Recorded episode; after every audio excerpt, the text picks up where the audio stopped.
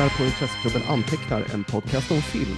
Era värdar är som alltid Per Perstrand och Jesper Viking. Och idag har vi en celeber gäst på tråden. En eh, författare, prisvinnande illustratör, uppskattad rakontör, hobbyfolklorist och en i största allmänhet trevlig prick, nämligen Johan Egerkrans. Välkommen! Tack så mycket. Ekvilibrist hade jag velat höra också. Ja, det kan jag nog klämma in i post production. Ja, vi slänger in den sen. Och Leberman. Man about town. International man of mystery. Precis, sån är jag. Ja, Mm. Eller i alla fall nordisk man of mystery. Tack, tack för att jag fick komma. Eh, Det är en ära. Favoritpodcasten, så det känns väldigt bra att vara, vara här. Ja, det sa du i DN en gång. Då blev vi väldigt glada. Mm, det var bussigt. det, det tycker jag ni förtjänar. Eh, From Beyond är ganska bra också. Tycker jag. Det finns vi- andra poddar. kan vi bjuda på. Precis.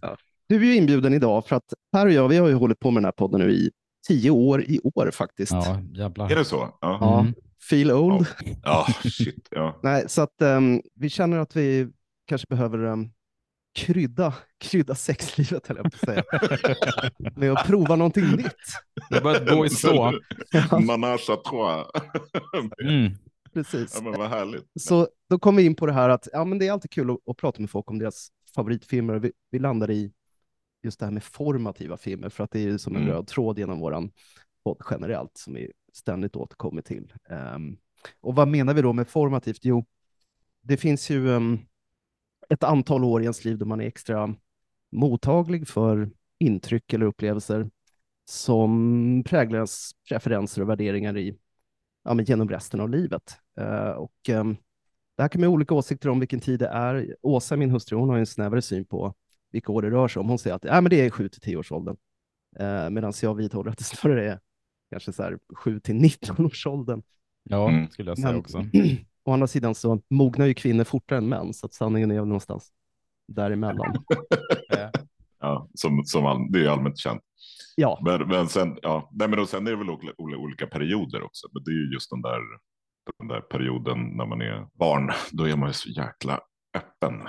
ja som en svamp. verkligen. Ja, Mm.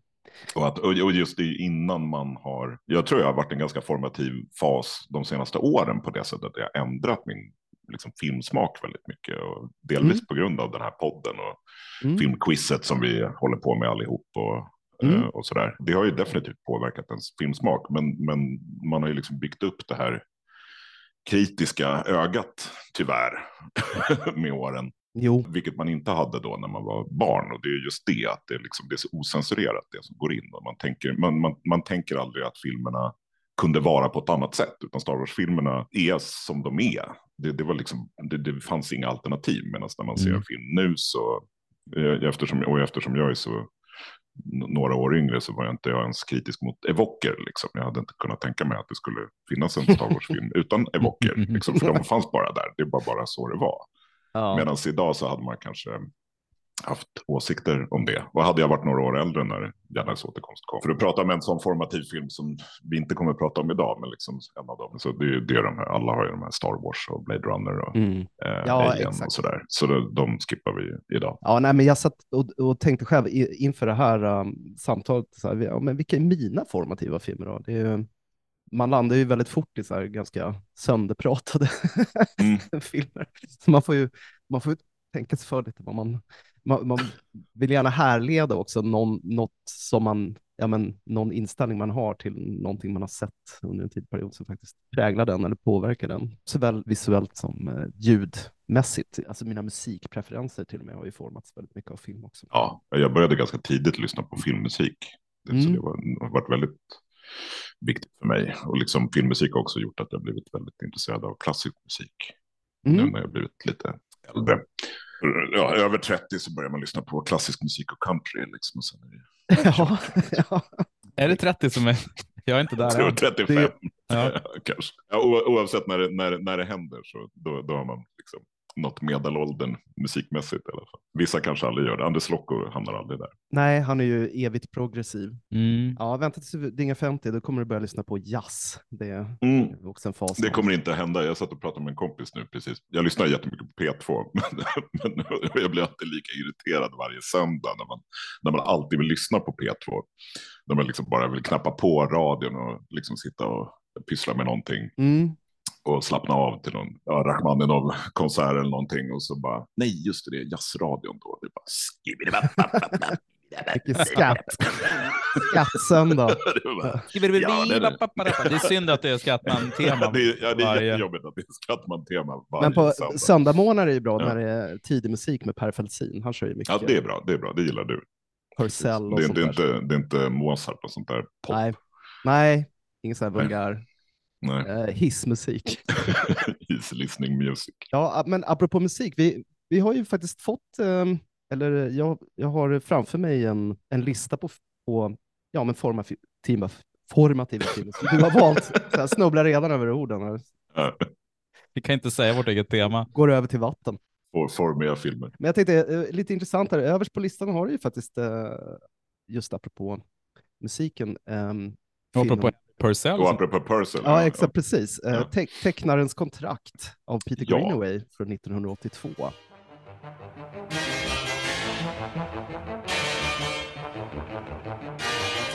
There is a narrative in these apparently unrelated episodes.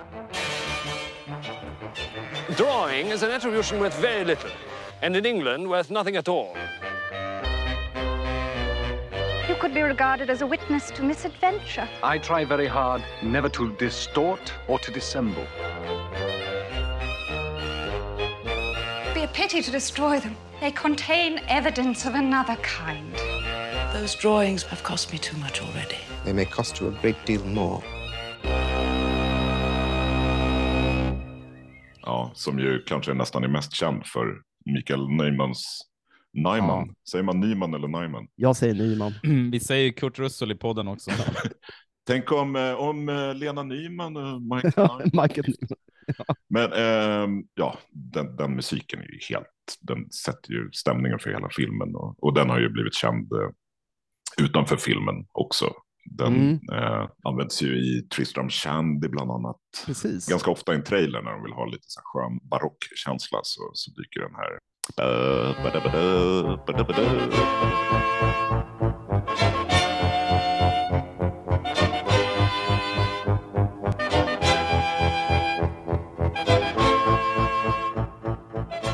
Men vad heter den? Chasing Sheep is left, better left shepherds. Heter det. det stycket. Precis. All musik i den här är ju en, en så kallade earworms. Jag kom på Ja. ja. skärm när jag var ute med hundarna häromkvällen och bara gick och nynnade så här. Ja, den är så. Den är, den är, det är det, jag lyssnar på det soundtracket jättemycket. Mm. Mm. Och, och, det är en handfull stycken i, i den filmen som återkommer hela tiden. Så han, mm. han matar ju verkligen in den här, hamrar in musiken i bakhuvudet på en. Ja. Fantastiskt. Nej, men den är, den är, den är, och det liksom sätter stämningen så himla väl. Och det här liksom, mm. mystiken mm. som tätnar på något sätt. Filmen blir ju mörkare och mörkare och mörkare ju, ju närmare slutet man kommer. Eh, det är ganska intressant. Eh, eh, huvudpersonen då, den här själva tecknaren då. Det är lite symptomatiskt att jag väljer en film om en tecknare eftersom jag är tecknare själv. Som spelas av, vad vad heter det? Mr Neville heter han väl, själva karaktären. Som spelas av, vad heter han då?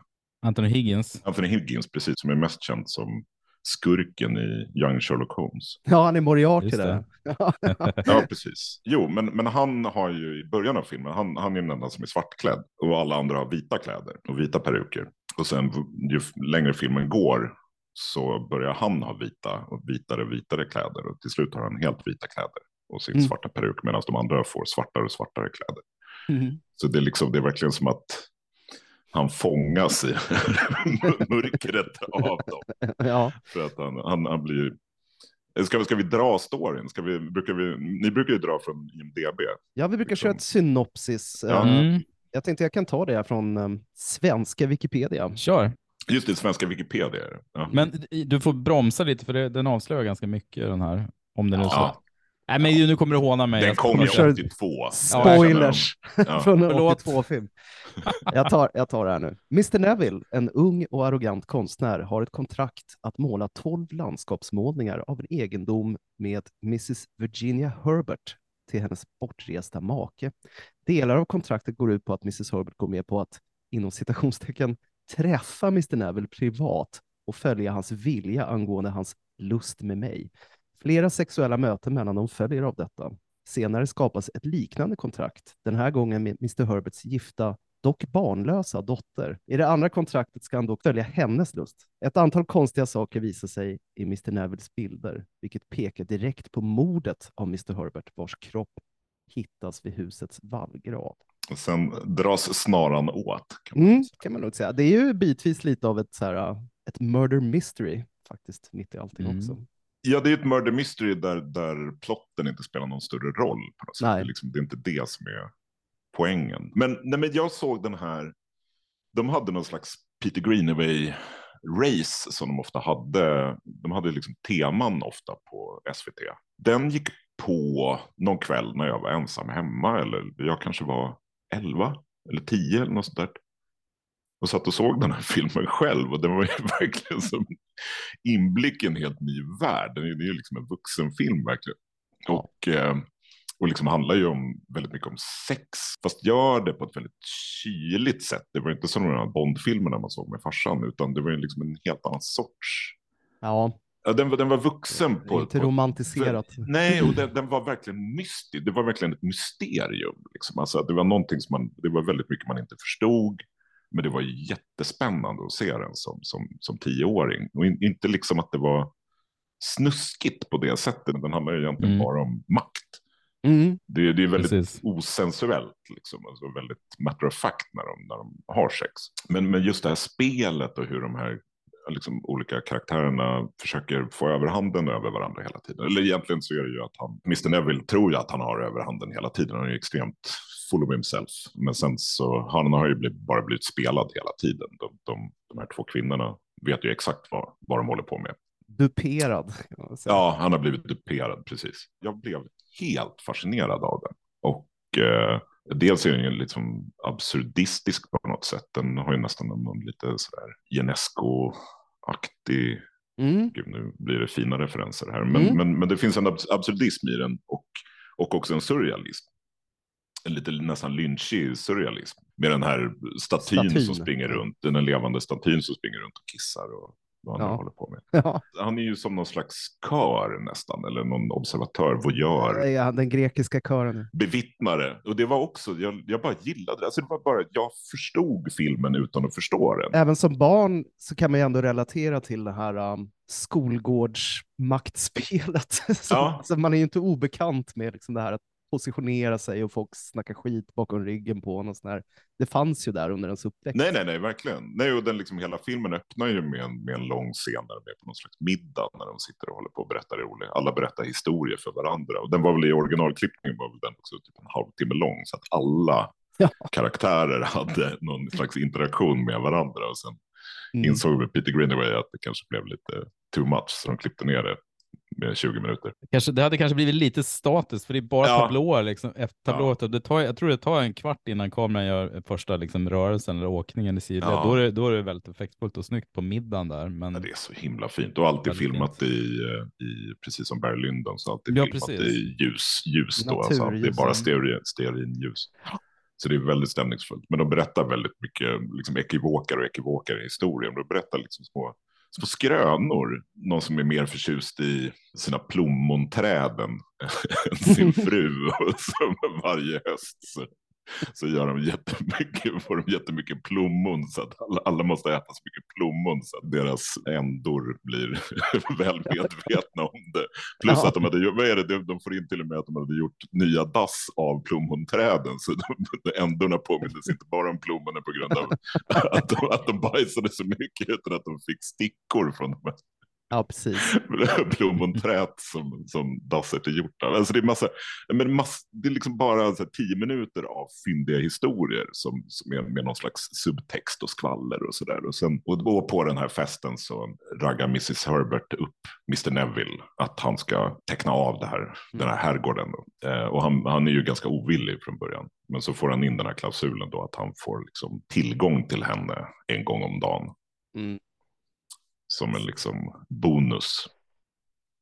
Ja. Eh, och sen då lite senare så fixar dottern till ett liknande kontrakt med honom då. Men han är ju mer intresserad av eh, mamman.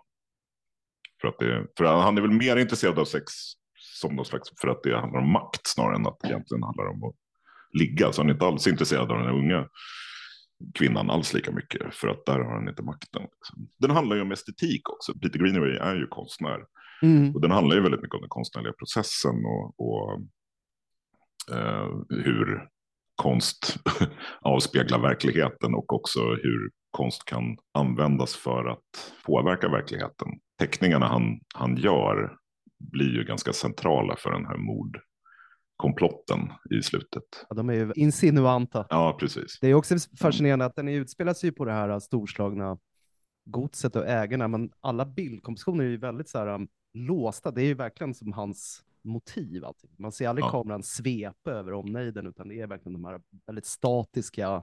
Mm. Ja, ja, allt ser precis som Barry Lyndon. Allting ser Ja. ut som en, en, en barockmålning eller en Ja. Rokoko-målning. det Och, det, och de, ofta ligger ju karaktärerna och poserar på ett väldigt ja, eh, på naturligt men också onaturligt sätt. Alltså det ser ut som en, en målning. det blev väldigt uh, klaustrofobiskt efter ett tag nästan. Mm. Så, Jag såg om den för några år sedan på Bio Capital här i Stockholm. Och då blev det så himla tydligt att den använder naturligt ljus när de är utomhus. För man ser så här, ja, men nu kom det lite moln över Jaha. karaktärerna. Och så blir det liksom, hamnar de i skugga och så försvinner det. Och det är sånt Mm. man aldrig ser för att karaktärerna normalt är, är ljussatta även om de är utomhus. Men här är de inte det. Utan det är liksom, det bara, nej, men då blir det mörkt. ja. Och sen blir det ljust igen. Och det bidrar till den här artificiell och naturlig på samma gång. Ett utsnitt av naturen som tillåts vara naturlig fast i det här väldigt kontrollerade lilla utsnittet. Precis, när det är en blandning av det formella och det organiska. Ja, så den har ju gjort att jag gillar Peter Greenaway väldigt mycket. Även om jag inte sett allt. Jag, jag med Kocken, tjuven och Pillow Book och Mm. Åtta och en halv kvinna som ju också har en lite liknande kontraktstema. Det. handlar väldigt mycket om sex också. Jag tror den sista jag såg, som, jag vet inte om det är den sista filmen han har gjort, det var den här Rembrandt-filmen med, Ja, just det. vad heter han, Bilbo, eh, Morgan Freeman. Heter han inte? Nej, Martin Freeman. Martin Freeman. inte Morgan Freeman. Jag hade gärna sett Morgan Freeman som Bilbo. Spännande. den, den värdigaste Rembrandt som någonsin. Ja. Ja, men Rembrandt har aldrig haft så mycket pondus som Morgan Freeman spelade. Nej, men Martin Freeman. Mm. Eh, som ju var ganska dålig tyckte jag.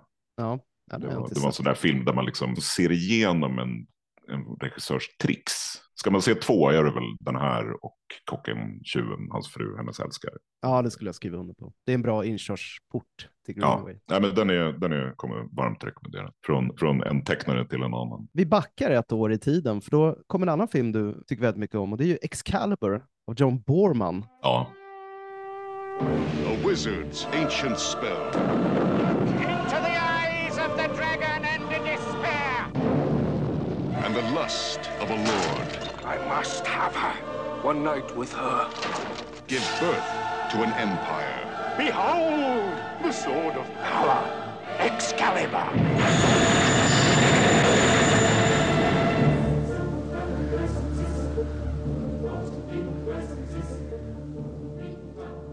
The future has taken root. jag menar varför jag tycker så himla mycket om den. Men jag- den, den såg jag också med en av mina bästa kompisar, Kalle, när jag var rollspelsåldern. Så det var väl precis rätt. Och så var det en hel film med bara, som bara handlade om rustningar och svärd och, Ja.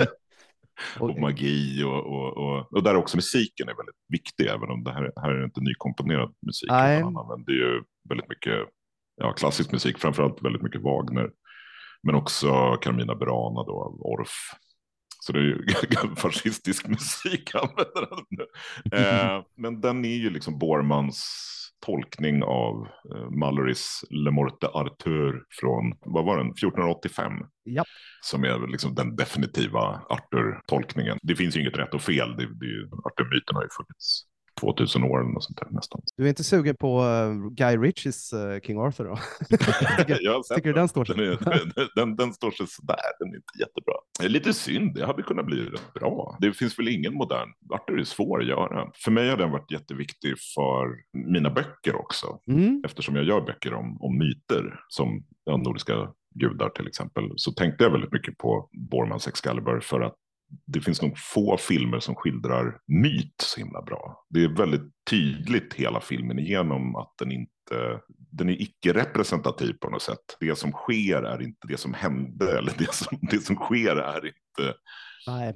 faktiskt sant. Det är bara en skildring av en myt. Det är som filmad teater på något sätt. Den är urmytisk på ett väldigt eh, speciellt sätt som nästan ingen annan film jag har sett lyckas vara. Nej, men jag håller med. Jag tycker han fångar det där perfekt. Den, är, den känns ju väldigt um, ja, men alien, nästan främmande. Det är, det är en svunnen tid och det är en, en sorts, um, ja, men som du säger, det, det finns mycket allegori i det här också. Det är, Ja, och det är liksom hela poängen är att den, den utspelar sig, jag menar, om Martemyterna var på riktigt så utspelar den sig väl på kanske 500-talet eller Ja. 300-talet eller något sånt där, liksom strax efter precis. romarna schappade då som, som de gör i den här kung Arthur-filmen med, eh, Clive Owen. med Clive Owen, precis. Mm. Eh, men, men, den, men här har de ju, det är ju 1500-talsrustningar de har på sig. Och, alltså, Mm. de, de, det, det är helt ointressant att, att sätta den i en, en verklig tid. Det är inte det som är poängen. Den är, den är helt overklig så att säga. Eller liksom, den står utanför verkligheten på ett sätt som myter, den är evig på ett Mm. sätt som myter ska vara. Det finns en väldigt drömst också över hur han hanterar till exempel rustningarna och det här, um, och det här e eviga gröna skimret, så fort det är någon form av magi i luften. Precis, som symboliserar magi och draken och England och, och, Ja. och liksom ödet och Excalibur. Och, Albion. och då kommer alltid då Götterdammerung in Jajamän. från Wagner, eller Sigfrids dödsmarsch är det väl, begravningsmarsch. Sen tycker jag Nicole Williamson är så härlig också som Merlin. Eh, Ja, Han har väldigt, han har väldigt idiosynkratiskt. otroligt märklig, ja, han är så, så märklig diktion. Liksom. Han, han är ju också som att han är i en helt annan film. Mm. Han, han är ett väsen från någon annanstans. Det, det är också så himla tydligt att han är, han är djävulens son, han är inte en människa. Han, är, Nej. han förstår inte hur människor funkar, det är det som är hans problem. Och det är därför att det skiter sig. För att, den, den, den, är, den är så himla häftig och den, den, den liksom skildrar den här myten. Hela, hela Arthur-sviten klämmer den liksom in på, vad är det, två timmar. Visst. Det är inte en jättelång film om vi Nej, jämför med hur långa filmer är idag. Nej den, men- den flyger på. Men, men den får ju in allting liksom. Och sen är ju jättehäftig i bara alla olika skådisar som den introducerade. Mm. Den, den tog ju massa, han ville ju inte att det skulle vara några kändisar. Det var väl Nicole Williamson, som var, det var väl den enda kända. Men det är väl Helen Mirrens, det är inte hennes första film, men det var ju definitivt den som gjorde att hon blev stor. Eh, Liam Neesons första film, Gabriel Burns första film.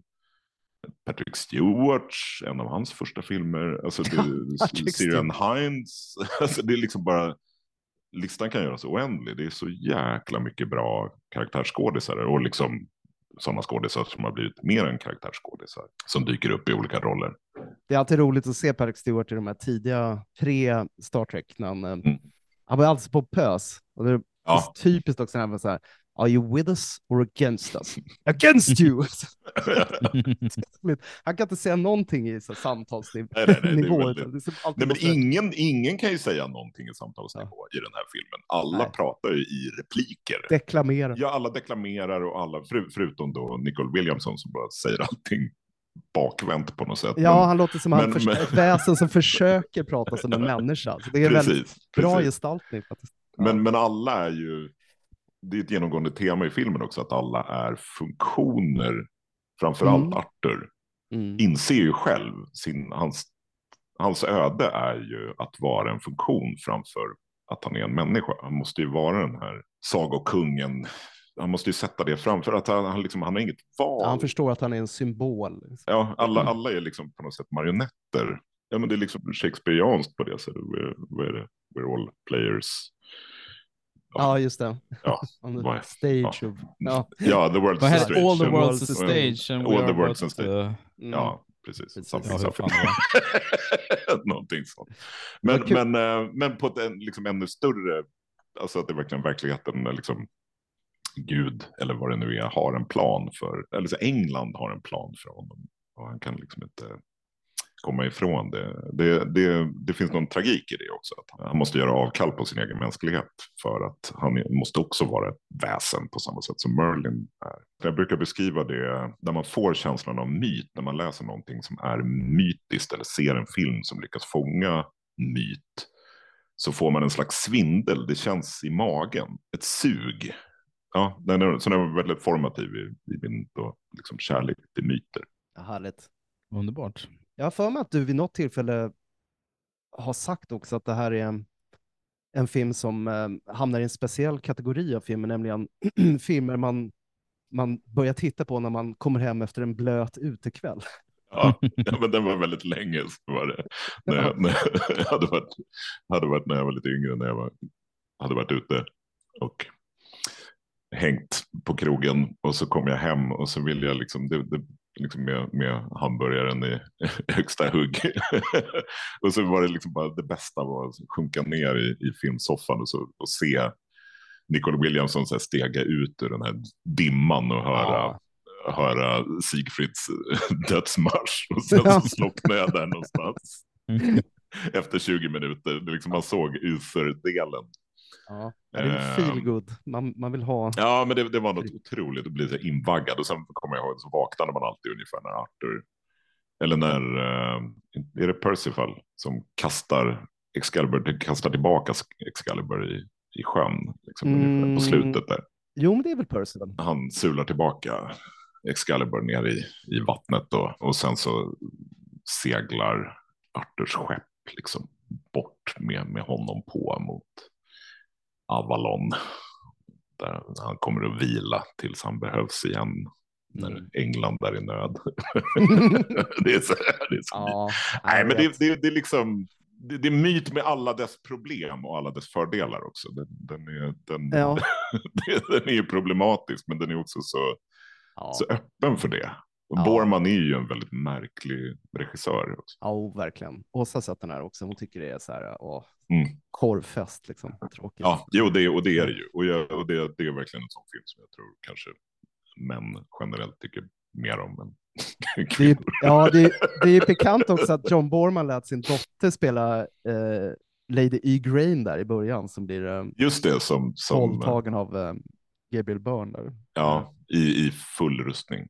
Ja, det ser inte så bekvämt Eller, ut. eller i och för sig, han, alltså, han, hon tror ju att han är hennes man. Så, men det är ju någonstans är det ju non-consensual. Men det är ju myterna är ju det också. De, skildrar ju problematiken i myterna på något sätt också. Ja, visst. Sista grej om den, om, om liksom lite tips är han som var huvudfotograf tror jag det var på Empire Strikes Back. Han gjorde en liten film själv som, som heter Black Angel som är en medeltidsfilm som handlar om pesten och handlar om ja, riddare. En liten kortfilm som, som, som gick som förfilm innan Empire Strikes Back i England. Så den, den gjordes 1980 och eh, John Borman tvingade hel, alla i sitt crew att titta på den innan de gjorde Excalibur. Mhm. Så den kan jag rekommendera, den finns på YouTube. Mm. Den är jätteintressant. Och man ser verkligen inspirationen i den i Excalibur. Bra tips. Vi lägger till det i uh, show notes.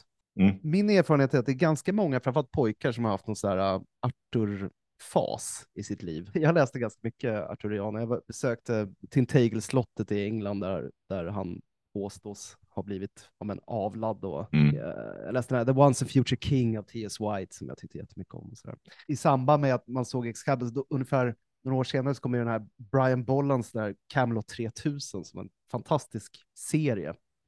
Som, eh, Då, när man läser om det nu så är det inte så. Ja, inte så.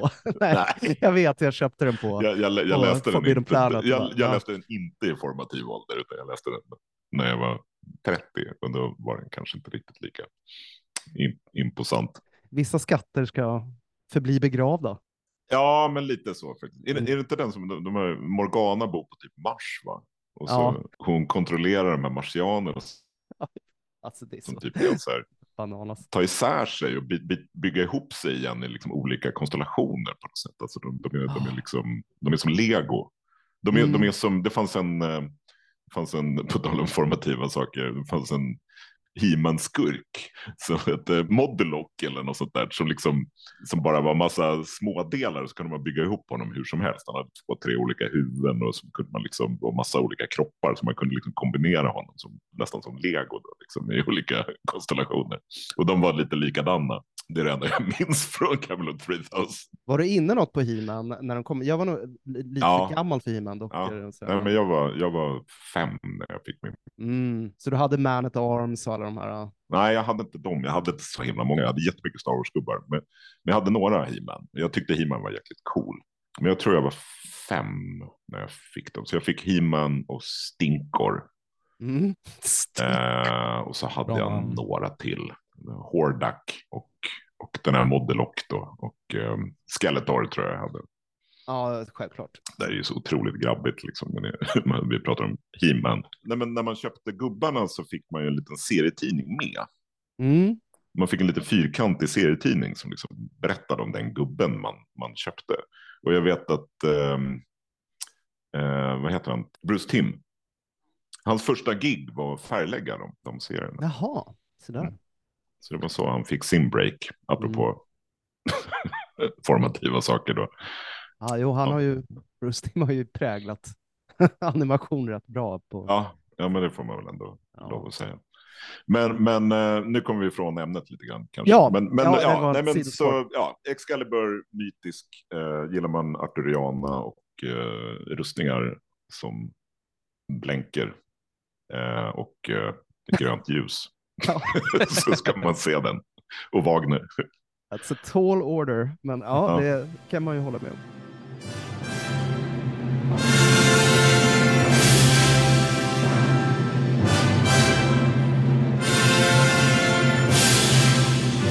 Härligt, men vi går från en form av um, riddarspel till ett annat och det är ju Army of Darkness av Sam Raimi. Som Ja. kom 11 år senare.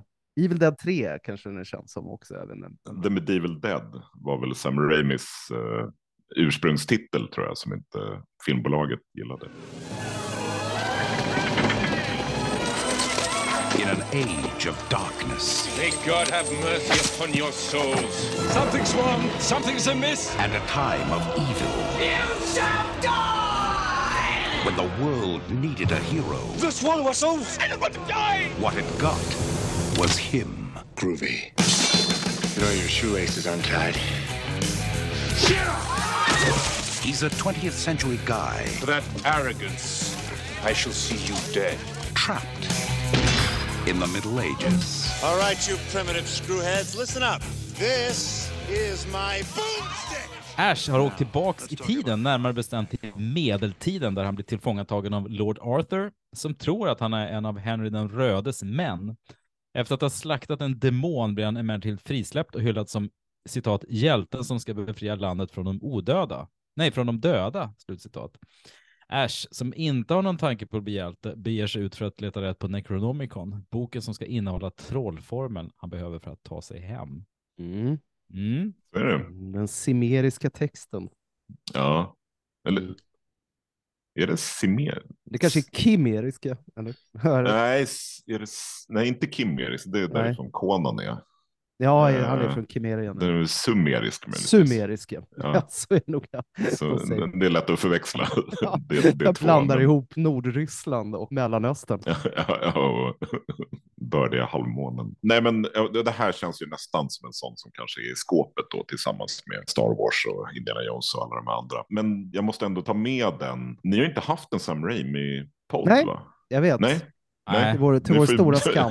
Ja, det, gärna det bjuda, får vi. gärna bjuda in mig om ni känner för att ha en, ha en sån. Men Army of Darkness, den kom ju lite senare då, så då, då var man ju 92, då var jag 14. Och sen kanske jag Mm. var 15 när jag såg den, för den kom ju inte upp på bio i Sverige direkt. Jag hade nog sett Evil Dead 2, men den gjorde inte så stort intryck. Army of Darkness var perfekt för mig eftersom jag, humor är någonting, humor är en hobby som den här översten säger i Good Morning Vietnam. Nej, men den handlar om den här kombinationen av skräck och humor som jag tycker är hela charmen med, med Raimi. Ja. Och sen för vissa är det kanske då Evil Dead 2, Dead by Dawn är, är den perfekta blandningen. Men för mig är eh, Army of Darkness den perfekta blandningen. Att det är mer humor och att det är också det är en äventyrsfilm fram, mer än en, en, en skräckfilm. Mm. För mig var den här så otroligt formativ för att det var nog en av de filmerna mer än någon annan som fick mig att börja tänka på hur film görs och tänka på regi, tänka på liksom kamerarörelser, tänka på ja, liksom arbetet bakom kameran för att är, det är så tydligt hur Raimi leker med kameran, hans Dutch angles och, och de här inzoomningarna och allting. Regin är så tydlig och, och arbetet, filmmakeriet syns när man tittar på den. Ja. Inte på ett sätt som gör att man tas ut ur filmen, men däremot blir man fascinerad över alla. Man, man blir medveten om att man använder massa tricks. Så det var en av de filmerna som ja, fick mig att tänka på film som hantverk. Mm. Jag håller med. Det är väl det, liksom, det bestående gåvan från Army of Darkness. Och sen tycker jag ju bara att det är en fruktansvärt underhållande äventyrsraffel. Jag kommer ihåg när jag såg den första gången och liksom pratade om den med en kompis. Bara så här, det här är den filmigaste film jag har sett.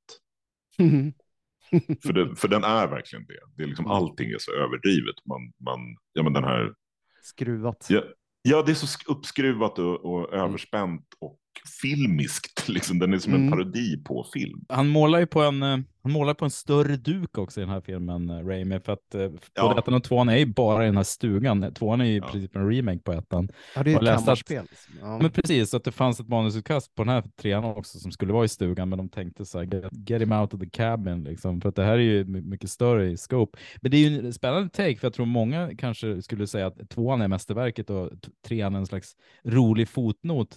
Även jag tyckte det. Eh, Jag har bara sett den här en gång för länge sedan. Jag såg om den igår och nu, nu tyckte jag den var svinbra. Mm. Den är så otroligt full av roliga idéer, som när Ash eh, de här mini-Ash trollas fram som han måste slåss med. Och, så jävla roligt. Ja, så det är, det, Ja, De är precis. så himla elaka, de är som små gremlins. den är, Ja, jag, jag, Ja, jag ja. kan hålla med om att jag tror nog också att det här är, är min favorit generellt, för att den är så, alltså det är ju en klassisk matinéfilm. Ja, Mm. Alltså det är verkligen ja som, den är ju eh, en swashbuckle. Alltså den, den, Ja. den är ju, det är ju som... ja, men Robin Hood någon- eller något Ja, sånt där exakt. Ja, klassiskt eller- äventyr, fast med väsande skelett. liksom. Ja. Och- Ja, direkt plockade en Ray Harryhausen-film. Det, Ja, det, det, där, underbart. där, nu inser jag också att jag skulle ju slängt in uh, Jason och det gyllene skinnet i den här Ja, just listan. det. Just det. Eh, men den kommer ju med på ett hörn här eftersom Ja, men väldigt mycket av alla skelettgrejer är en hommage till Harryhausen. Oerhört kärleksfullt. Nej, men det är, också, det är ju det som är så charmigt att den är gjord 92 så att den är inte gjord med dataeffekter utan allting Nej. är gjort, handgjort. Det är, Mm. det är stop motion animerade skelett och det är, det är Mm. liksom allt annat är gjort med mask och det, det är så himla charmigt och taktilt allting. Ja, det är som du vet en käpphäst i den här podden. Det är ju Ja, praktiska effekter. Nej, men det är, bara, det är väldigt mycket back projection och det är... men det är roligt för att ta ett utsnitt på 30 sekunder när som helst, eller framförallt i slutet under den här fighten vid borgen, så får du en provkarta på back, back projection, stop motion Ja. animering, dockor eh, som de vrider på, ehm, människor i skelettkostymer. ehm, det, är när- när- när Det- så många olika när sätt de står- har jobbat När med. de står och slåss mot, mot olika skelett och de liksom verkligen bara så här kastar in Ja, de har slänger pappret så här. liksom som man så här bryter över knät och kastar iväg. ja, men det, De- just Lä- de, ens- läkarrums. de, de, de, är Nej. inte ens, Ja. de, de är inte ens animerade, det är ingen som styr dem. Nej, de bara kastar dem in från, från sidan liksom. Gått in på en läkarmottagning och bara, kan vi låna ett skelett här? Ja, det funkar jättebra, det är roligt. Det är jättebra. Nej, men, och den har ju en sån otroligt kinetisk energi. Och för att återgå till det här, liksom jag pratade om i början, det var en kompis som rekommenderade den och så satte vi oss och började kolla på den. Då ser man den här öppningen och så kände jag igen lite grann från Evil Dead 2. Bara, okej, han knallar genom öknen. Och sen kommer den här scenen, han blir nerkastad i den här brunnen Ja, med eh, ja, de här monstren, Deadites. Och den här gamla gubben, den här lärda trollkaren kastar ner hans motorsåg och han hoppar upp och det är liksom i slow motion så liksom klickas hans armstump i, Ja. Ja, jag vet. i motorsågen Snyggt. och liksom musiken bara stegrar och det är liksom allting bara så här boom, liksom går ner i slow motion och så bara är det det här supertydliga klicket, Klicket. När, när det liksom klickar i och så landar han och så drar han igång motorsågen och jag bara, det var nog så här nästan en orgastisk upplevelse. Jag bara så här, åh, det här, det här är så bra. Ja. Det är liksom, det är så, det är pure cinema verkligen för att Ja. en uttjatad term. Inget slår den scenen i filmiskhet. Nej, Marvel-filmerna kan försöka hur mycket de vill, men de kommer aldrig nå den nivån av ja, där satt den.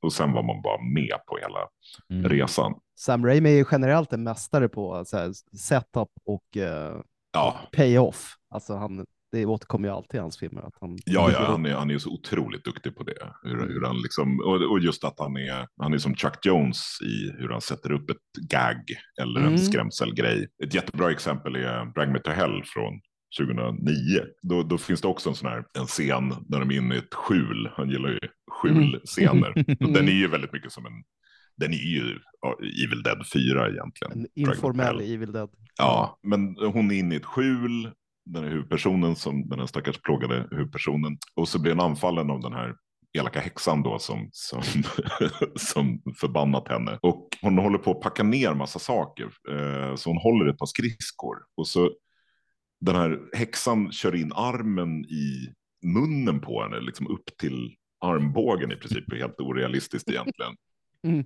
så står där med en arm i halsen och så står den här tanten framför henne och så tittar hon och så är det liksom ett snöre som är bundet någonstans och så liksom följer kameran snöret uppåt och där är det någon slags vinsch och så följer kameran snöret neråt och där hänger ett städ och sen går kameran ner till tantens huvud. Så, liksom man, så man får det här på en sekund så ser man precis hela setupen. Mm. för att städet är precis ovanför elaka häxans huvud. Och så liksom bara sveper hon med den här skridskon på repet och så faller städet ner och krossar tantens huvud och hennes ögon Lätt. flyger ut och hon får dem. Men det är liksom, det är, så, det är så otroligt snabbt. Han är så bra på att sätta scenen, man förstår precis rumsdynamiken, liksom hur allting hänger ihop och Mm. man förstår en sekund innan det händer fattar man vad som ska hända. Han är väldigt pedagogisk. Jag tänkte jag såg Ja. en av hans uh, Spindelmannen-film. Ja, nej, jag såg både den första och den andra. Och även där så tänkte man, eh, nu när man har sett så mycket av de här uh, ja, Marvel-filmerna Marvel, de senaste åren, så fan vad skönt. Man, man förstår liksom rent rumsligt vad de gör, hur de flyttar sig och man hänger med i all action på ett sätt som man inte nej, gör i de här. så- himla mycket tydligare. Det. Och det behövs liksom. Och han, nej, men en annan, alltså Snabbare än döden är ju också Mhm. likadan. Mm.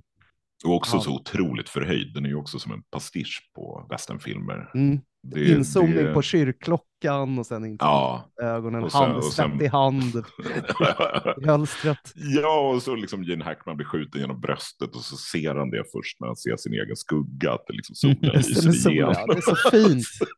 Det är så jävla snyggt. Liksom. Ja.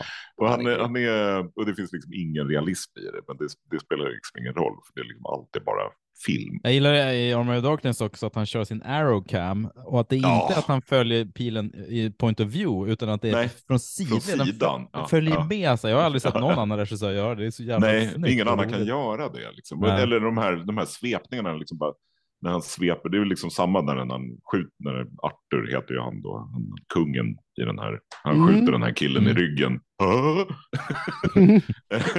och sen liksom, så dör han. Och sen följer liksom bara kameran med alla när de liksom vänder sig tillbaka och alla vänder sig i takt med att kameran sveper förbi dem. Och det är Mm. nästan lite så här ljud hela tiden. när alla vänder sig. Mm. Och sen tillbaka till Ash och så zoomar de in på honom. Och det är liksom också så otroligt genomtänkt och, och Mm. fint. eh, Det känns inte överdrivet.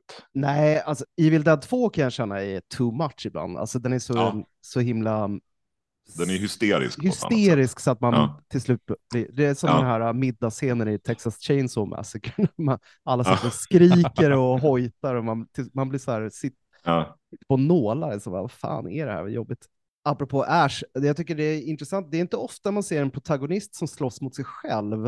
Ehm, Nej. jag, jag satt och försökte komma på så här, men det var typ, vad heter den, eh, Ryan Johnson, vad heter den, Ryan Johnson-filmen med Bruce Looper. Willis och- Var det så den hette? Looper? Mm. Sci-fi-rullen med... Ja, exakt. Och Ja, sen ja. typ Ge- Gemini Man, Ang Lee, Åh, just det. rullen. Sup- är det Superman 3, är det Superman 3 han slåss mot sin, sitt elaka jag, eller är det Quest for Peace 4? Jag kommer inte ihåg om det är Eh, det, Superman va? 3 blir han ju elak. Ja, För exakt. att han får i sig röd kryptonit. Just det. Just det. Men, men, men jag vet inte om han slåss mot sig själv, gör han det? Ja, för jag, man jag har gör bara det sett liksom en rätt gång. Ja. Metaforiskt så gör han Ja, det. Liksom. jo men det kanske han Ja. gör. Ja, nej, men det jo, är kul. det, är liksom, det gör ju Ray också, apropå Ryan Mm. Johnson. Då. Men, Precis. Men, men, Men, eh, ehm, Men Bruce Och det- Campbell är ju, han är ju så himla bra. I den här filmen verkligen framkommer det att han är en sån bred, alltså han är ju jättebra fysisk skådis. Han kan ju, ja, men han är ju också, han är ju charmig och rolig. Jag tycker- Det är ju väldigt mycket humor i den här filmen, alltså dialoghumor. ja, den är jätterolig. Mm. Ja. Tidigare. ja, han är ju så, han är ju så bra, han är ju så bra ovillig hjälte också. Liksom. Ja. Men han ska komma ihåg det här, Klaatu Verata Nyktu från, han är så här, yeah I got it! Yeah, I know your damn words. Liksom. Ja, Ja, och sen nej, jag ska inte hålla på och citera Klaatu hela filmen. Men... Verata. Okej then, that's it. ja, nej, men, nej, men han, han gör ju allting så bra. Han är ju jättebra som badass också. Mm. Med sin You're good. Ash. Goody two shoes. Ja. Han badass. Men vi, vi slogs Doctor Strange med sitt eh, onda jag i, i senaste Sam Raimis uh, Doctor Ja, det gjorde han ju faktiskt. Ja, Ja. där, där men men den, till. den har ju ganska mycket Arm of Darkness. eh, Verkligen. Mm, den. sista halvan var ju en fröjd. Mm, Ja. det, där får han ju blomma ut, Raimi. Det är några ganska härliga scener. Ja, men sen har vi det. Ah, vi ska inte hålla på och prata om dataeffekter. Nej, Det, Nej, det är liksom bara, det är inte samma sak. nej, det är inte Nej, det är inte det. Nej, nej, men jag kan väl avsluta med att säga att sista akten i den här filmen är ju fullständigt fantastisk. Den är ju Ja. ehm, Mm. så otroligt underhållande. Alltså när de Mm. väl, eh, hela den här belägringssekvensen Ja, är ju ljuvlig. Liksom. Och ja nej, jag kan ofta bli det, uttråkad när det är för mycket svärd, vad ska man säga, svärdstrider, men här är man underhållen hela tiden. Den är, Ja, den, den är väl ganska inspirerande för eh, slaget vid Helms Deep också i, Mm. i eh, två tonen. Det är ju Verkligen. väldigt mycket samma känsla. Jag tror Peter Jackson har tittat ganska mycket på Sam Mm. Raimi. det tror jag nog. Som är en annan regissör som har lite samma kinetiska ådra. Alltså de kommer ju lite från samma bakgrund på något sätt. Verkligen. Alltså tidiga Eh, Peter Jackson-filmer är ju ja. väldigt, i sam, mycket i samma anda. Ja, verkligen.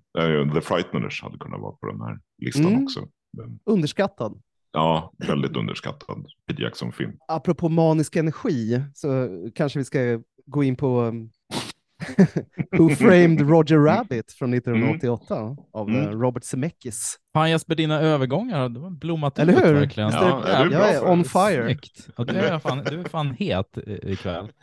This is the tale of an up and coming movie star named Roger Rabbit and a down and out private detective named Eddie Valiant. Ooga booga! Every moment they were together was a new adventure in trouble. Hide me, Eddie! Please! It's a motion picture about friendship, Take it easy, Billy! Please, Eddie! Don't tell me I'm making a big mistake! love, compassion, Well, I'm, I'm, I'm sorry I yanked your ears. All the time you yanked my ears? murder, Marvin Acme. The rabbit cacked him last night. Remember, you never saw me. sex, I'd do anything for my husband, Mr. Valiant. Anything. and violence. Filmdirektören R.K. Maroon har bekymmer med sin största tecknade stjärna, kaninen Roger Rabbit, som har börjat spela dåligt och glömma sina repliker. Han misstänker kärleksbekymmer och anlitar den hårdkokte och försupne privatdetektiven Eddie Valiant för att skugga Roger Rabbits hustru Jessica. Eddie hatar tecknade figurer sedan en sådan dödade hans bror, men åtar sig uppdraget för att han behöver pengar för att betala av en skuld. Ja, då är vi tillbaka på det tecknade och men också Mm. det väldigt kinetiska. Jag tyckte inte om Roger Rabbit första gången jag såg den. Jag, Nej, jag kommer samma ihåg när jag såg den.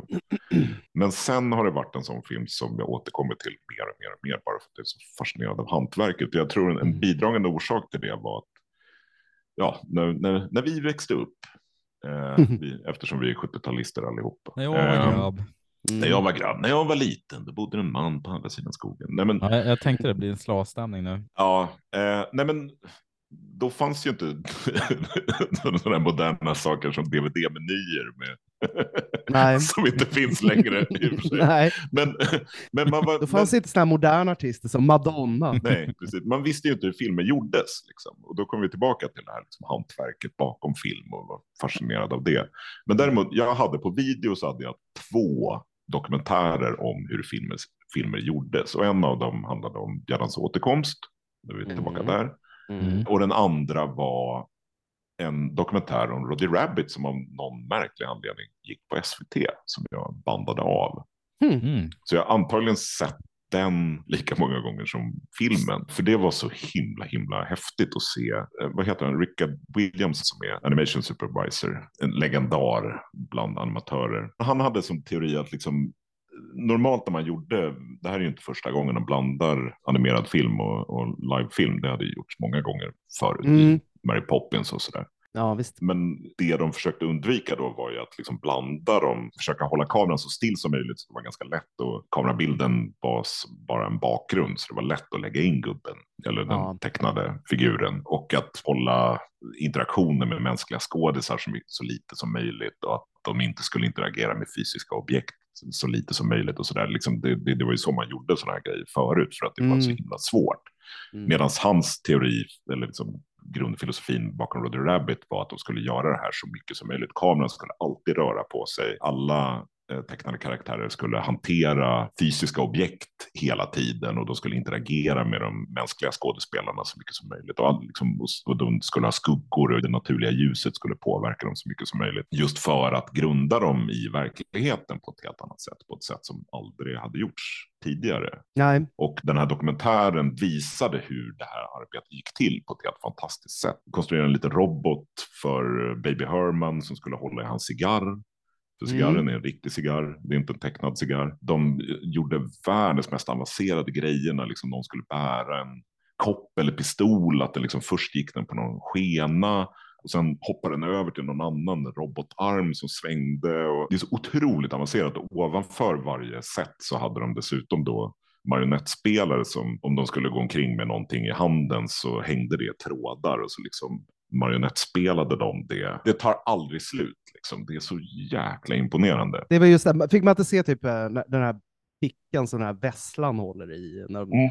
Så är den bara på någon hinne med någon robot under som flyttar runt. Det så här Ja, jag tror alltså, det jag- till och med att den är, den är först så är det när, när Vesslan går omkring så, så är en Ja. marionettspelare som, häng, som ja, liksom spelar den att den hänger liksom i en lina.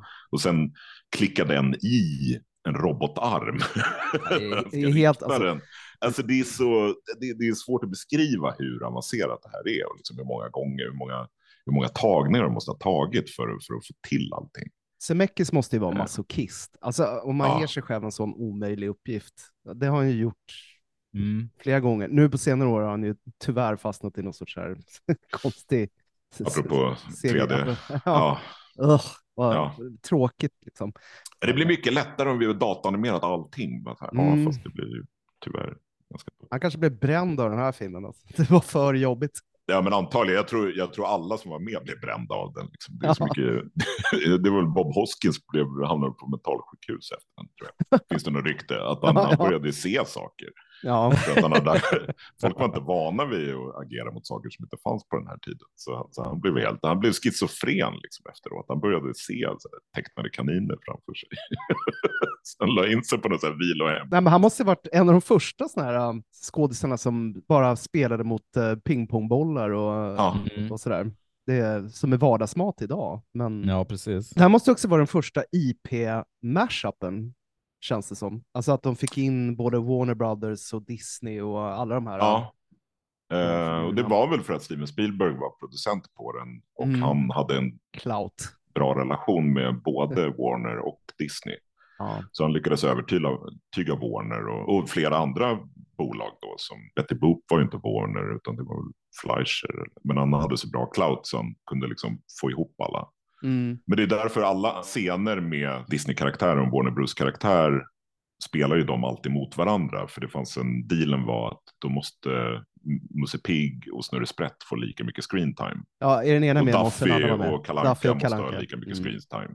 Mm. Så att de alltid spelar mot varandra. Det blev rättvist liksom. Det var en grej jag tänkte på nu när jag såg om den, att eh, det var så hisnande på något sätt. För det skulle aldrig hända nu i en film där IP'na är så hårt knutna till, något, till någon aktör. Disney skulle ju aldrig släppa loss något av, någon av sina IP till någon annan.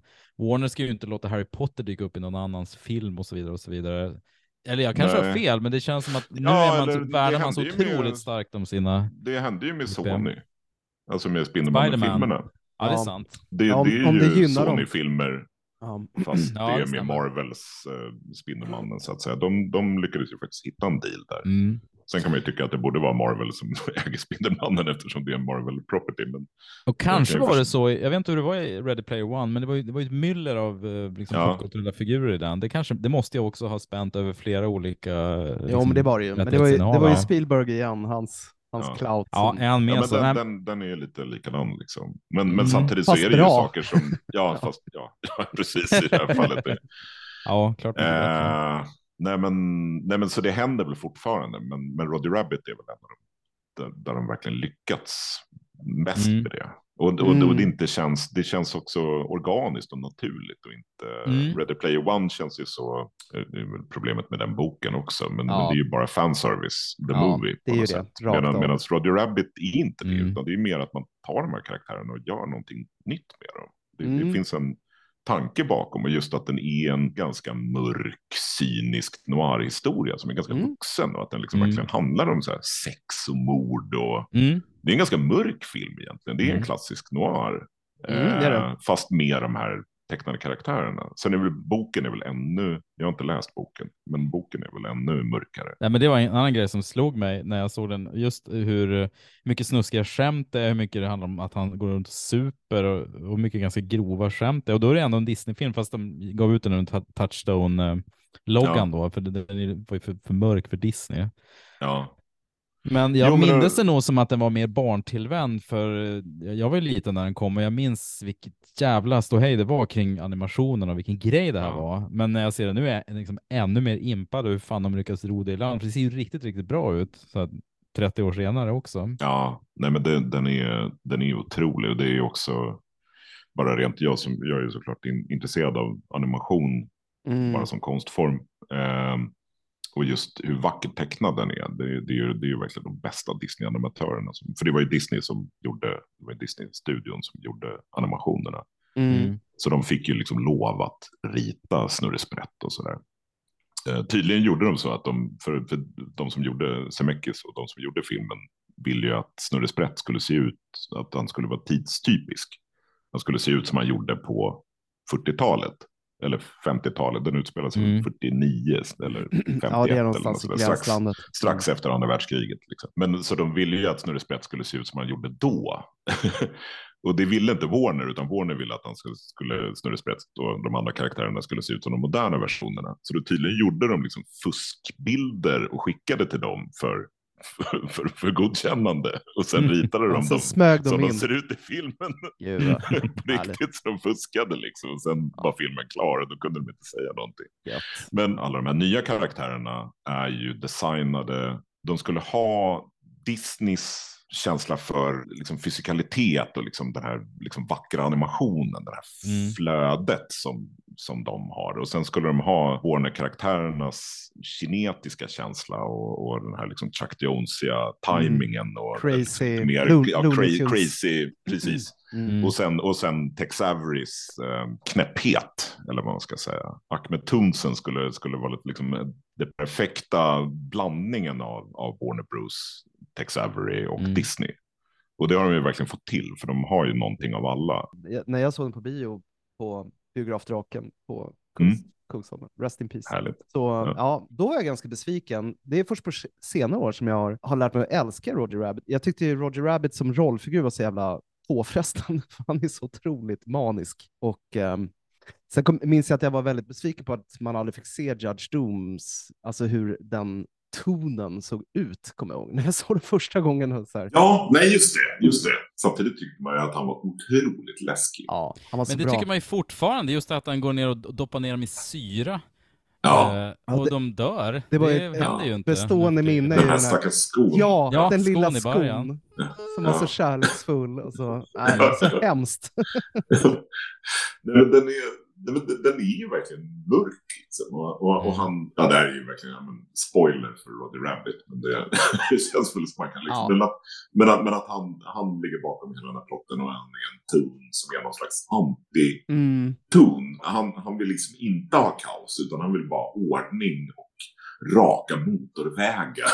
Ja, stora billboards. Ja. brutalistisk infrastruktur och, och liksom inget trams. Liksom. Han, han är helt... Han står för allting som, som Tums inte står för. Nej, rationalitet. Eh, och det finns ju något väldigt fint budskap i det. Liksom det, här, det här kaoset som de står för. Mm. Nej, för de har ju ett väldigt, de har ett väldigt fint hygge där i Toontown. Ja, ja, ja. det är härligt liksom. Nej men det är väldigt mysigt. Ja, det är precis som Danmark. Mm. Det är exakt som Danmark. det är precis så det känns när man tar sig över Öresundsbron. ja, precis. Det är så här, Smile,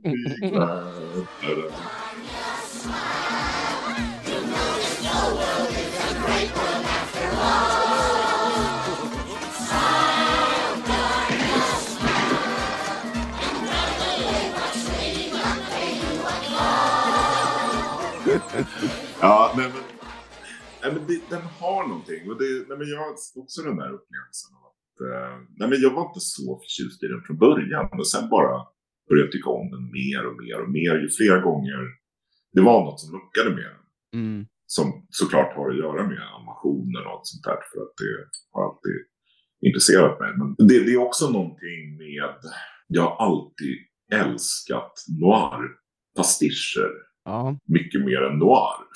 jag, jag, har aldrig, jag har liksom aldrig varit en fan av noir-filmer. Jag har inte kollat på så jättemycket gamla Humphrey Bogart-filmer. Jag har sett några av de klassiska och jag har sett Hitchcock och sådär. Men, men, men, men, eh, men, men jag har aldrig varit ett fan egentligen av noir. Men jag har alltid älskat tråperna från noir. På Mm. samma sätt som jag gillar tråperna från gotisk skräckfilm. Liksom klassisk Universal horror-skräckfilm. Men man, Ja. det är mer det här att man gillar hattarna och pistolerna och, och, och, och de här persiennerna, slagskuggorna från persienner. ja, och, och, miljöerna. eh, ja, den här, den här frostade dörren med deckarens namn på. Exakt, Alltså, det, liksom, det gillar man. Mm. Inte egentligen filmerna. Så Roddy Rabbit och Döda med klär lite rutigt och Ja, eh, när Bill Waterson gjorde sina Kalle Hammare-parodier i, i Kalle Hobbe när, när Ja, Kalle just det. var privatdeckare. Alltså, ja. det är jättestort för mig, men inte de här, inte de riktiga noir-filmerna. Är du ett fan av de här Dixon Hill-episoderna i Star Trek Next Generation när Picard är... Nej. Nej. Nej, för jag, jag gillar inte håller. Nej.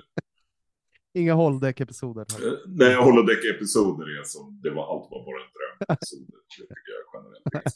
Nej. Jag, jag, jag gillar väl i sig det avsnittet. De avsnitten när dejtar med Marshall Combs. Mm, det är För då, kul. när Moriarty tar sig ut i den verkliga världen, då blir det intressant. Ja, när han får ett själv, Men- men de som- självmedvetande. Ja. Ja, men de som bara är, nu är vi på holodeck. Mm. jag. ja, jag håller med. Och så blir det fel. Och så bara, oj. De skjuter Nu- på riktigt. Nu. Ja, de skjuter på riktigt precis. Säkerhetsparametrarna ur spel, så nu är allting farligt. Så bara, Ja, men jag skiter. Så här lazy writing. Ja, ja men det är något. Ja. Vi kunde återanvända några Mm. medeltidssätt. Liksom. Ja. Så, nej, Roddy Rabbit. eh, nej, men det, det, det är ju en fantastisk film. Och den, den handlar ju också, det, det, det är så himla mycket hantverk bakom. Det är väl det som fascinerar den så mycket. Ja, den är så otroligt rik. Jag tänker på det här, uh, det finns scener i, framförallt när, med, med, när de drar iväg den här, um, vad heter den, ben, är det Benny the Cab? Mm. Ja. Eh, den här tecknade bilen, alltså bara de sekvenserna är helt otroliga. Men alltså det händer så otroligt mycket i bakgrunden hela tiden. Så 8-10 grejer bara i bakgrunden så att man Mm. Nästan måste freeze-framea och liksom gå fram så här en Mm. sekund i taget för att få med sig alla gags. Det är helt... Ja, det är ju när de är Toontown så är det massa så här, det klotter i bakgrunden med massa så här skämt och Ja. Det står ja, telefonnumret till Walt Disney och det, alltså det är massa.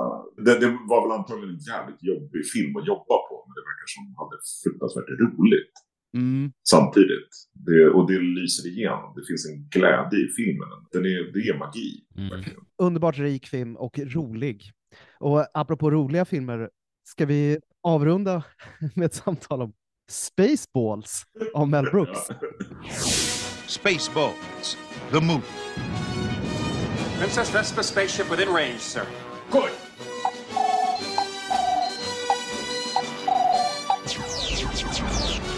What's going on? It's either the 4th of July or someone's trying to kill us. Now we will show her who is in charge of this galaxy. If you do not give me the combination to the air shield, Dr. Slotkin will give your daughter back her old nose. Ja, Ännu en komedi. ja. Ja. Nej, men det, det är ganska mycket komedier. Jag gillar, jag Ja, gillar ju rolig gillar- humor. gillar jag gillar ju att skratta. skratta för det är så roligt. Ja. Det är så kul. Härligt, få skratta lite. Mm. Nej, men och den måste vara med för det är den filmen jag har sett flest gånger i mitt liv. Mm, det är så. Eh, ja. Jag har sett en överslagsräkning så har jag nog sett eh, Spaceballs, eller Det våras för rymden som jag kallar det. I alla fall 80 gånger. Alltså, ja, ja, nej, men det är helt Jävlar. men, men det var, jag tyckte den var så fruktansvärt. Jag, jag, jag gick och såg den med min farsa. Det var min introduktion till Mel Brooks. Så Mel Brooks i sig har ju betytt jättemycket för mig. Mm. Så jag var tio när jag såg den tror jag. Det är perfekt ålder. Och eh, ja. Och jag, bara, jag tyckte den var, jag tyckte det var det roligaste jag hade sett. Och sen, sen var det, så hade vi liksom lokala videobutiken eh, på Lidingö. De hade Spaceballs sen. Och vi, jag gick och hyrde den varje gång vi, vi skulle gå och hyra en video. Så om jag fick så hyrde jag den. Och så såg jag den tre gånger. Det var verkligen sådär att man, man hade 24 timmar på sig att titta på en film. Mhm. Och det var verkligen, man bara satte på den, kollade på den, spolade tillbaka Mm. den, satte på den igen och sen kollade man på den på morgonen igen innan man var tvungen att lämna tillbaka den. Jag, jag var helt besatt av det. Det var en period så hade jag lätt kunnat sätta mig och bara citera hela filmen från början till slut. Från We Break for Nobody till Ja. ja, sista repliken liksom. Så, Keep firing assholes. Det är... ja, ja, ja. ja, Nej men det, jag ska inte sitta och citera hela Spaceballs. Men, men, det får men, du gärna göra. Jag tänker, Ja, jag, jag tänker bara att jag kör, ett snabbt, jag kör ett snabbt synopsis på den här. Ja, Ja, gör det. gör det. Denna gång från filmtipset. Den på svenska Wikipedia var typ 900 nedslag. Så. Jag såg den var otroligt lång. För en På den, på den Det var Johan Ekstrand som hade skrivit den. Citatpepprad. Eh, då kör jag. På den fredsälskande planeten Druidia rustas till bröllop mellan prinsessan Vespa och prins Valium. Vespa, Vespa rymmer dock i sista stund, varför kung Roland av Druidia vänder sig till den frilansande rymdhjälten Lone Star och hans medhjälpare kräks. Ja. Ja. Eller spy Ja. i vissa Ja. Hälften hund, hälften man för att få tillbaka prinsessan. Vad de inte anar är att rymdbollarna anförda av president Skrob och Mörka Hjälmen planerar att röva bort prinsessan Vespa för att kunna utpressa kung Roland och på så sätt komma åt Druidias luft eftersom man har förbrukat luften på den egna planeten. En hejdlös drift med Stjärnornas krig-filmerna. Ja. Uh, Ja. Sure. Ja, nej, men det är väl ungefär det den handlar om. Mm. Det, alltså, ja, det är ju Mel Brooks parodi på ja, Star Wars och alla rymdfilmer. Det var, tydligen så älskade George Lucas den. Ja, kan jag tänka mig. Eh, och han, han, han bad också George Lucas om eh, tillåtelse att, göra filmen så att säga. Mm. Eh, på, och han fick tillåtelse på villkor att han inte gjorde några, Merchandise. någon merch. Mm. Vilket han parodierar väldigt. Filmen. Mm. De gjorde Ja, just det. eh, Yoghurt. Sell ja. merch. May the Schwartz be with you. I love this one. Mm. Eh, merchandising, merchandising. Ja. With the real money from the movies made. Ja, men det är ju bara en, en hejdlös parodi ja, i samma stil som Mel Brooks Ja. brukar göra. Fast kanske mer som en sån här modern, det här är väl liksom förstadiet till de här moderna parodifilmerna som inte är så roliga som typ Scary Movie och, Mm. och sådär. Eh, Precis. som Wayans. också tyvärr, ja, och Abrams, Sucker Abrams också drogs in i tyvärr på Mm. slutet. Liksom. Men, men det här när man bara parodierar en film. Men jag tycker Spaceballs fortfarande har en, det är inte bara att den parodierar scener från filmer utan den parodierar genren mer än den parodierar Mm. en specifik scen från Star Wars. Och det är ju problemet med de här moderna filmerna. Att de liksom bara säger Åh, kommer ni ihåg den här scenen? Här gör vi så här, här runkar de. Ja, jo, exakt. Alltså det, det, är liksom, det är inte det den gör. Och sen finns det ju sådana element, liksom, när de, ja, den här Chestburst-scenen när de faktiskt får tag i John Hurt, ja, att han gör det Stackars. John Hurt. Mm. Mm. Ja, oh no. Again. Good Så sport. bra. Ja. Ja, när man ser om den nu så, så är den ju inte riktigt lika rolig. Jag tycker alla, alla element med, med rymdbollarna då, som på svenska, eller som Mm. Spaceballs, med Rick Moranis och. Colonel Schwartz, liksom, eller Colonel? Sanders. Nej, men den har något. Det, det, det, man fick sin rymd och man fick sina lasersvärd. Man fick, man fick rymdskepp och det var ganska bra effekter. Mycket av det har gjort av, av eh, antingen av ILM eller eh, folk som jobbar på ILM. Så det, det är ganska hög nivå. Det är väl Mel Brooks dyraste film tror jag. Mm. Eh, Så den är ganska påkostad. Så man fick ju det och den var rolig. Jag tänkte på det. så det var Ja. så här, what's not to like? Liksom. Exakt. Jag tänkte på det i början när, Mm. när det här, äh, de gör par parodierar det här i början på Stjärnornas krig när äh, Star Destroyern kommer, det här Ja. stora skeppet, och så kommer det här lite, du vet, cue ominous music. Ja, ja. Och sen så tar det liksom av fyra, fem håller gånger. på ja, det är, den håller ju på i typ två minuter, liksom bara Ja. panorera det här stora Och samtidigt tänker man så här, helvete vilken Mm. detaljerad modell de har gjort för det Ja, ja, ja. skeppet ja, som aldrig tar slut. Enorm. Nej. Spaceball One måste ju vara... Mm. Ja, Jag tror jag har sett någon sån produktionsfoton från den, men den är ju gigantisk. Och just att den är så Ja, otroligt otroligt. lång. liksom. Det är Ja. som en Star Destroyer som man bara sträckt ut. Liksom. Det är bara sån här massa... Vad heter det? Det finns något... Det finns en term för sån här, den här detaljeringen man Mm. sätter på Mm. på rymdskeppsmodeller. Skrufs eller skrångs eller jag, jag kommer inte ihåg vad det heter. Men, men det, är liksom, Ja. det är så mycket sådana små plotter på den. Liksom, så den, den, nej, men det, nej, men det är ju otroligt. Och, Nej, det det är- ju, Hantverket är otroligt. ja, och musiken är jättebra också. Det är Mm. det är, gud vad heter han? Mel Brooks parhäst. Ja, John Morris va? Ja, Morris, just det. Den är ju alltså, Spaceballs-låten är ju en av de bästa sådana här rymdfilms, space opera-låtarna som har gjorts. Liksom. Da, da, da, da, da, da, da.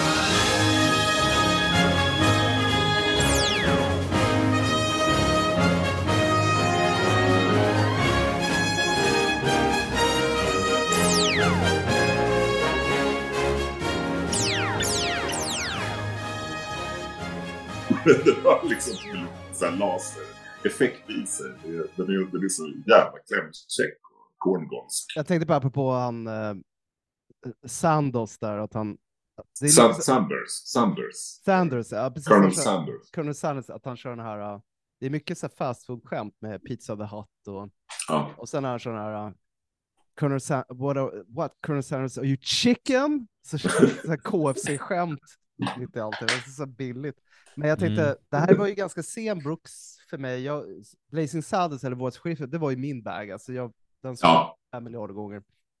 Men det är roligt när man ställer de här mot varandra så ingenting har ju hänt. Han, alltså, han kör ju verkligen sin grej. De kunde ha gjort samma år egentligen, det, även fast det skiljer rätt många år emellan dem. Han, han har ju, om, som du nämnde, Zucker Abrams, som också, det, det, de tangerar ju varandra, men Ja. Bro, Brooks lutar ju lite hårdare in i det här varieté-humor-traditionen de Det är mer vaudeville. Ja, ja. Zucker Abrams Zucker är ju mer mad. Mm, precis. Det, det, båda är ju ja. väldigt judisk humor. Liksom, Mm. såklart. Liksom, båda. Men, men Men eh, den här Men- filmen är ju fortfarande peppad med såna här, uh, What? Who? When? How? Det är mycket sådana så här förvirringssketcher som är väldigt roliga. Oj, nej. Ja, nej, men det, nej, men, ja, det, det är så bra. Det är liksom Rick Moranis är ju... Ja, är. Han är helt fantastisk som Dark Helmet. Han är så jävla rolig. Och just, just hans, bara de här detaljerna i klädedräkten, att hans, han har ju den där jättestora hjälmen, han ska ju vara som Darth Vader fast han är kort. Så det är roligt. Ja. Och, och sen har han ju den här, liksom, så här, allt är gjort av läder i hans dräkt. Så, och så har han så här, han har tajta byxor och så har han liksom lädershorts på det. Och så har han någon slags handskar med nitar på. Så. Ja. Och, sen har, och sen har han en slips. Mm, med två, och så har han två spännen som är till manteln antar jag. Så att slipsen ser ut som en snopp liksom.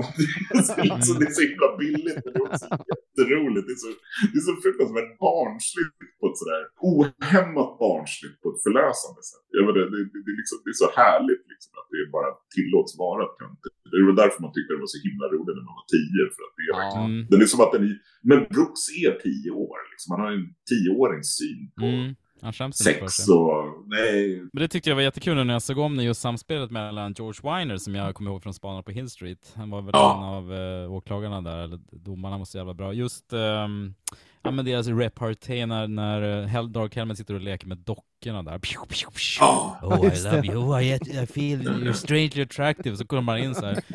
Du såg ingenting va? I didn't see you playing with dolls. Så här, då, det No sir, I didn't see you were playing with the dolls. Good! jättebra. Ja. Eh, Som, som tydligen hela den scenen är tydligen uh, adlibbad. Hånad eller? Mm. Åh, är det så? Jag tänker. Det är Ja. jättebra. Ja. Mm. Jättefint. Det, det var bara Rick Moranis bara hittade på allt det där. Liksom. Jag är ett, också ett stort fan av sådana här äh, självklara skämt som att den här äh, ingenjören är skotte, som skotte i Star Trek. Och, så här, och så har han liksom en sån här Glengarry-mössa på sig. Ja. Och så här, Lock one, lock two, lock three, lock Loman. Ja, just det. Det är så billigt. Det är billigt. Är Ja, de, och då, när de beamar ner presidenten och hans, hans rumpa kommer bakom fram. Ja, just det. Det- My ass ja. is huge! Ja. Jag tycker jag hade så fin president Scroob. Mm. Då, som är Mel Brooks roll. Eller han har ju två roller. Han är ju Han president är yoghurt också. och yoghurt. Eh, Mm. Men, men, men, men, de håller ju på, hela plotten handlar ju om att eh, Planet Spaceball, rymdbollarna då har, har, de har utnyttjat sin planet för mycket så de börjar få slut på luft. Så de måste sno luft från planet Druidia då, som är den här goda planeten. De har ju dåligt med luft även på rymdskeppet verkar det som. Så han, han sitter och liksom öppnar en burk med Perry Air. Harry Air.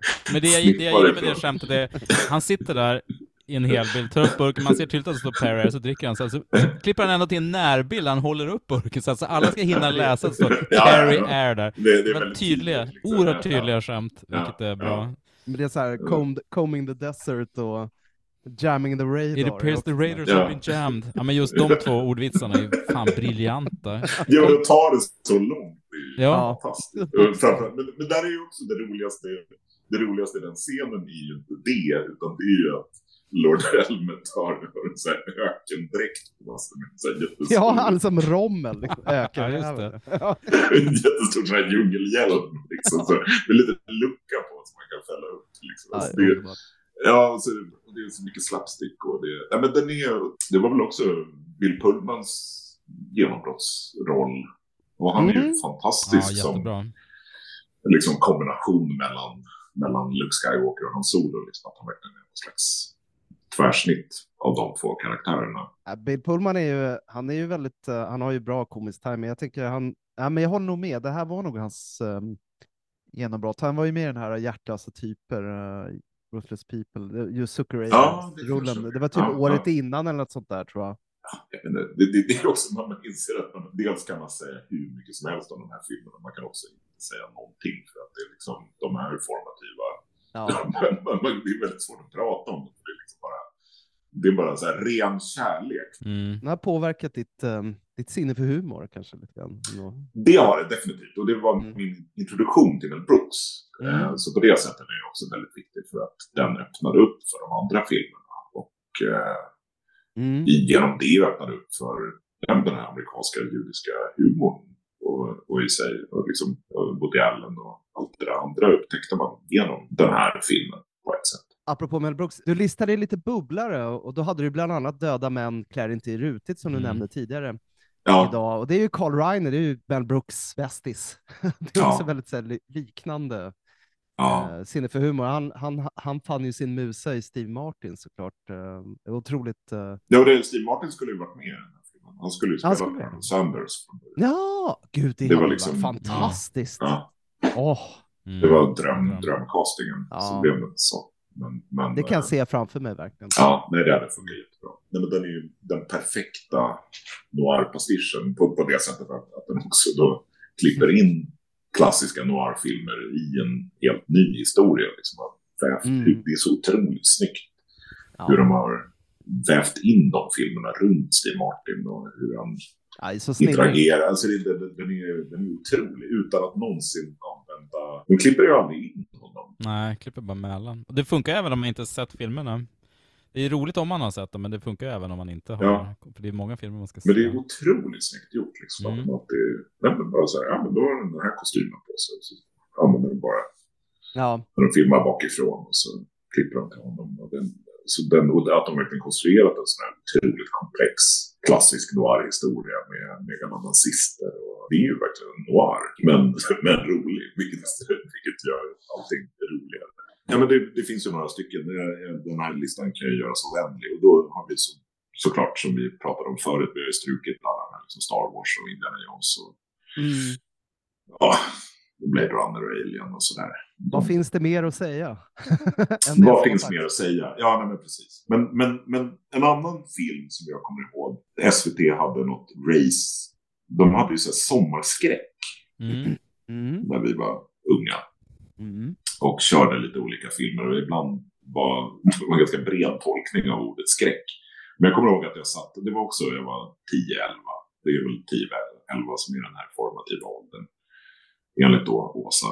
Eh, jag tror hon i det. Eh, och då såg jag Highlander. Russell Mulcahy. Av, av Russell McKay. Jag såg också Razorback ungefär samma år. Ja, ja.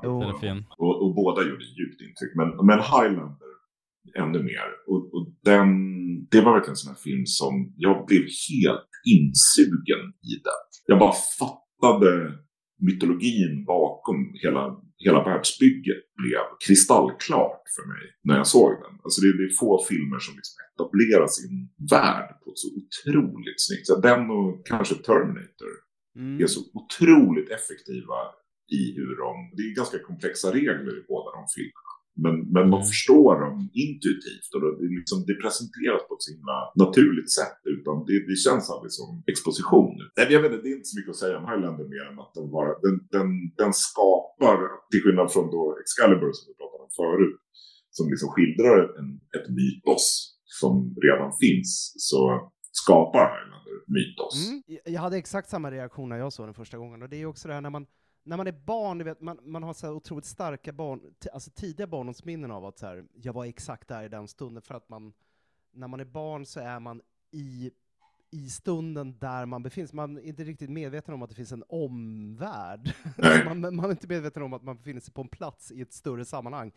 Men när man väl kommer upp i så här 10-12 års ålder, då har den världen öppnat sig. Och det, just det här världsbygget i Highlander var ju svindlande. Jag tänkte så här, Ja. "Oj, det sträcker sig hundratals år, de har hållit på, du vet, man, man liksom gick runt och fantiserade själv och så, åh, jag är Mm. från Sverige, du vet, man hade Ja, ja, ja. fantasier kring det där. Så, Ja.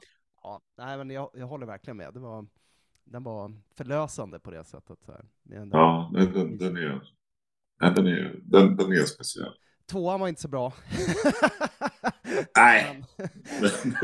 Men- den är man alltid sugen på att se om. Ja, faktiskt. besviken. Ja. Den här gången kommer jag gilla den. Mm. Jag, jag gillar ändå de här igelkottsskurkarna som har- Ja, de är lite flyger Men- runt på någon sån här hoverboard. Ja, som exakt. skrattar. Men det dyker alltid upp någon ny version, så här, nu kom Directors Cut, nu kom fan, Ja. fan cut, så här, ja nu kommer jag Men ja, Nej. den, den håller Nej, den är inte så bra. Jag, jag, jag tyckte trean var rätt okej. Mm. The Magician. Ja.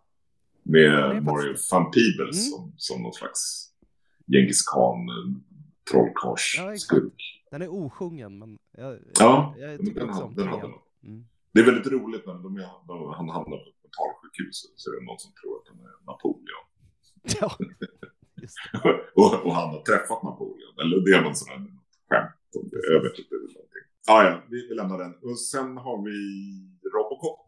Just det. Jag vet inte, har ni haft Verhoeven. Verhoeven-avsnitt? Jo, men fan Ja, men det har ni väl? Jo, Jag tror vi det. körde väl. Robocop som önskefilm, gjorde vi inte det? Har vi inte gjort en Just det, ja, det den? gjorde vi. Ja, ja, men det gjorde ni. Ja. Vi har snackat en del Ja, men det om- behöver vi inte prata om den. Men den är ju, den är ju väldigt bra. Och det är liksom också, Verhoeven har ju påverkat den Mm. otroligt mycket. Liksom. Hans eh, ironiska ton, hur, hur han lyckas liksom, ha kakan och äta den. Att, att göra en parodi på 80-tals action, ironisera över det samtidigt som man har kakan och, och gör den mest 80-taliga actionkomedin. Eller liksom actionrökaren. Och sen det här liksom lite 2000 AD-aktiga satiren i Robocop. Framförallt det är ju helt lysande. Det var ju också, men den kändes så jävla subversiv. Alltså, Mm. Jag såg den första gången när man började fatta den formativa åldern. Är, ju- nämnde väl det förut, att liksom alla barn är kristdemokrater. Och jag, jag kommer ihåg det väldigt mycket själv. Att jag, när jag var fram till 9-10 års åldern så var man väldigt konservativ. Man var väldigt moralistisk. Liksom. Man, Mm. man, rätt var rätt och fel var fel. Och jag kommer ihåg när man såg sådana här tidningar, när man såg de här vuxentidningarna som Brök och Pox och Epix och sånt där. När de hade typ Tintin eller, eller Musse Pigg som röker och, och, och ligger och, och dricker alkohol och liksom svinar. Man blev bara så här uppbragt moraliskt indignerad Ja, när man var nio. Ja. Och sen två år senare så tyckte man att det var det roligaste man kunde tänka sig. Alltså Ja. det, är liksom, det är någon switch som slår om i hjärnan där när man, när man börjar närma sig tonåren. Att man börjar gilla subversivitet. Man går från liksom, kristdemokrat till punkare på ett, ett halvår. Och, och, och Robocop är så himla mycket allt det man tyckte om när den switchen hade slagit om i hjärnan. Han är plirig för Hofen. Ja. Han, är, Mm. han har djävulen i sig, den där gubben. Roligt att se Benedetta för övrigt. Skojig film på många sätt. Jag tror inte Ja, men det, det, var, det, var, det var kul. Det var Den, kul. den var Han- lite lång. Den är lite lång, men, men ändå liksom rent generellt. He's, he still got it. Ja, ja, verkligen. Nej, men man känner ju alltid att han har ett sinne för humor. Just det här med humor är ju ett övergripande tema i nästan alla filmer vi har pratat om idag. Eh, Ja, Mm. och det är ju ett tema hos mig. Jag, jag Mm. gillar humor. Och, och då kommer vi till en av de, den sista filmen då som vi kanske ska prata om är den senaste filmen då som har kommit alltså rent kronologiskt. Det är Cabin in the Woods Just eh, det. från 2009 Mm. av, vad heter han, Drew Goddard med, med manus av Buffy. Joss. Joss Whedon. Cancel precis. Joss. Ja, cancel Joss, precis. Ehm, men, men, men, men den tog jag med bara för att det är en av de, en av de filmerna som har kommit på ja, senaste 10, 12, 15 åren som jag ser om väldigt Mm. ofta. Som jag har börjat älska på samma sätt som de här gamla filmerna som jag såg om hur många år som helst. Liksom. Men, men, men den, Cabin in the Woods är min nya så här, go-to älsklingsfilm. Det- Den känns väl nästan som man skulle kunna ha ett helt avsnitt om Ja. Mm. skräckkomediernas skräckkomedi. Men också hur den skapar en helt ny mytologi. Att den, den, den skapar mytologin att alla skräckfilmer är en del av den här ritualen som de här Mm. kontorsråttorna liksom genomför. Att de, de utsätter nya ungdomar för det här varje år för att hålla igång den här ritualen som ska göra att de här gamla gudarna inte återuppväcks. Men att alla skräckfilmer man har sett i princip är en del av den här processen. Och att den, liksom den sätter in allting ett helt, den skapar ett helt nytt sammanhang Mm. för skräckfilm. Det är så jävla snyggt. Liksom. Det är en briljant så här, hybrid mellan slasherfilmer, alltså hela slashergenren och eh, Office Space och eh, Lovecraft. eh, Ja. Cthulhu Jo, men också, också att den, den istället för att göra det meta, för den är ju meta på ett sätt, men, men den skapar en underliggande kontext så att den inte blir meta utan blir tvärtom meta på något sätt. Det blir liksom, Mm. det får ett, ett djupare sammanhang. Alla filmer man har sett i den här genren får ett djupare sammanhang Mm. för att man har sett den här filmen. Ger en extra dimension åt allt man Ja, har sett ja. tidigare. Ja. Och det är ju helt otroligt genialiskt. Men det är en sån här film som man vill visa folk. Ja, ah, har du sett den här? Bara, nej, nej. Oh, oh, oh, då, Mm. eh, det liksom bara vattnas i munnen att få få visa den. Ja, bakfickefilm som man kan Ja. slänga fram när man vill... Um, oftast är så här, vad, vad folk, hur folk reagerar på film är ett bra sätt att lära känna den personen. Så Ja. om, man, om man gillar Cabin in the Woods, då är det en, en bra Ja, men det- på många it's sätt. a keeper. ja, exakt. exakt, exakt. Ja, vad fint. Det var väldigt trevligt. Det var en, en, en ära att ha med dig. Och eh, som sagt, om, vi, Mm. om vi kör en Sam Raimi-podd, då är du ju såklart varmt välkommen att Ja, jag kommer jättegärna medverka som, eh, som eh, co-host. Ja, nej, men det, det, det är en ära att vara med. Jag är verkligen, det här är en av mina... En, en av de poddar som fick mig att börja lyssna på poddar. Ja, oh, wow, det är en gott betyg. Ja, är, ha. den är, Ja, det är tack. en formativ podd. En formativ podd. Ja, Ja. bra, genialt med temat. Mm. Var finns ni på, på internet? Ja, precis. Ja. Det måste man ändå avsluta Vi med. finns ju på icapodcast.com. Man kan också kontakta oss på Twitter, Instagram eller via e-mail på icapodcast.gmail.com. Vi hör gärna av er. Det är trevligt. Gör det. Vad kan man hitta mer om dig på internet, Johan? Jag finns på Facebook. Jag heter Johan Ekrans Illustrator. Samma på Instagram. Eh, och sen har jag en webbshop på www.johanekrans.com. Mm. Hallå. Eh, Johan. Egerkrans med E